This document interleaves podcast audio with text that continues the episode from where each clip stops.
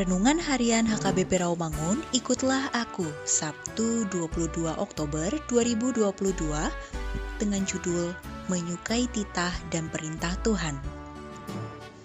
Bacaan kita pada pagi ini tertulis dalam Wahyu 5 ayat 11 sampai 14 dan bacaan kita pada malam ini tertulis dalam Galatia 3 ayat 19 sampai 28 dan kebenaran firman yang menjadi ayat renungan kita hari ini ialah Mazmur 19 ayat 9 yang berbunyi, Titah Tuhan itu tepat, menyukakan hati. Perintah Tuhan itu murni, membuat mata bercahaya. Demikian firman Tuhan. Sahabat ikutlah aku yang dikasihi Tuhan Yesus, Mazmur ini merupakan pengakuan dalam doa bahwa hukum Tuhan itu sungguh berisi kekuasaan yang amat dahsyat. Segenap ciptaan Tuhan termasuk siang maupun malam, langit dan cakrawala, bulan, bintang, dan matahari, semuanya itu sungguh-sungguh menceritakan atau dalam bahasa Ibrani sapar, artinya menjejeri, dahsyatnya kuasa kemuliaan Tuhan. Namun, bagaimanapun, semuanya itu tetaplah sebagai ciptaan.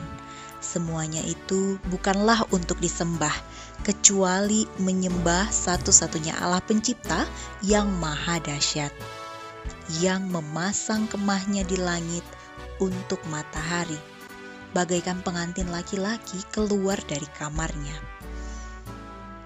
Semuanya itu berfungsi sesuai dengan ketentuan dan kehendaknya.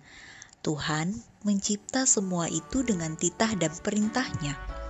Titah dan perintah itu mengungkapkan ketepatan dan kemenangan Tuhan atas apa yang sebelumnya merupakan kegelapan, kekacauan, dan lautan yang tak terkendali.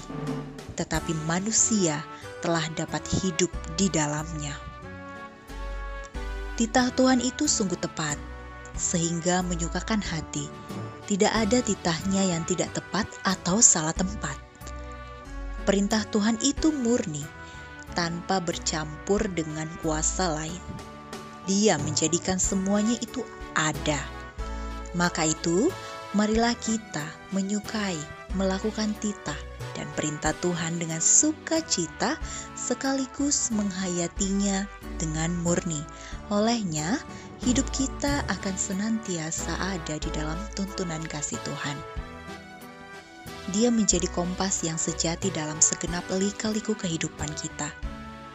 Setialah berpegang pada perjanjian Tuhan, setialah juga untuk melakukan titahnya. Maka kita pasti akan senantiasa terpelihara di dalam kasihnya. Amin.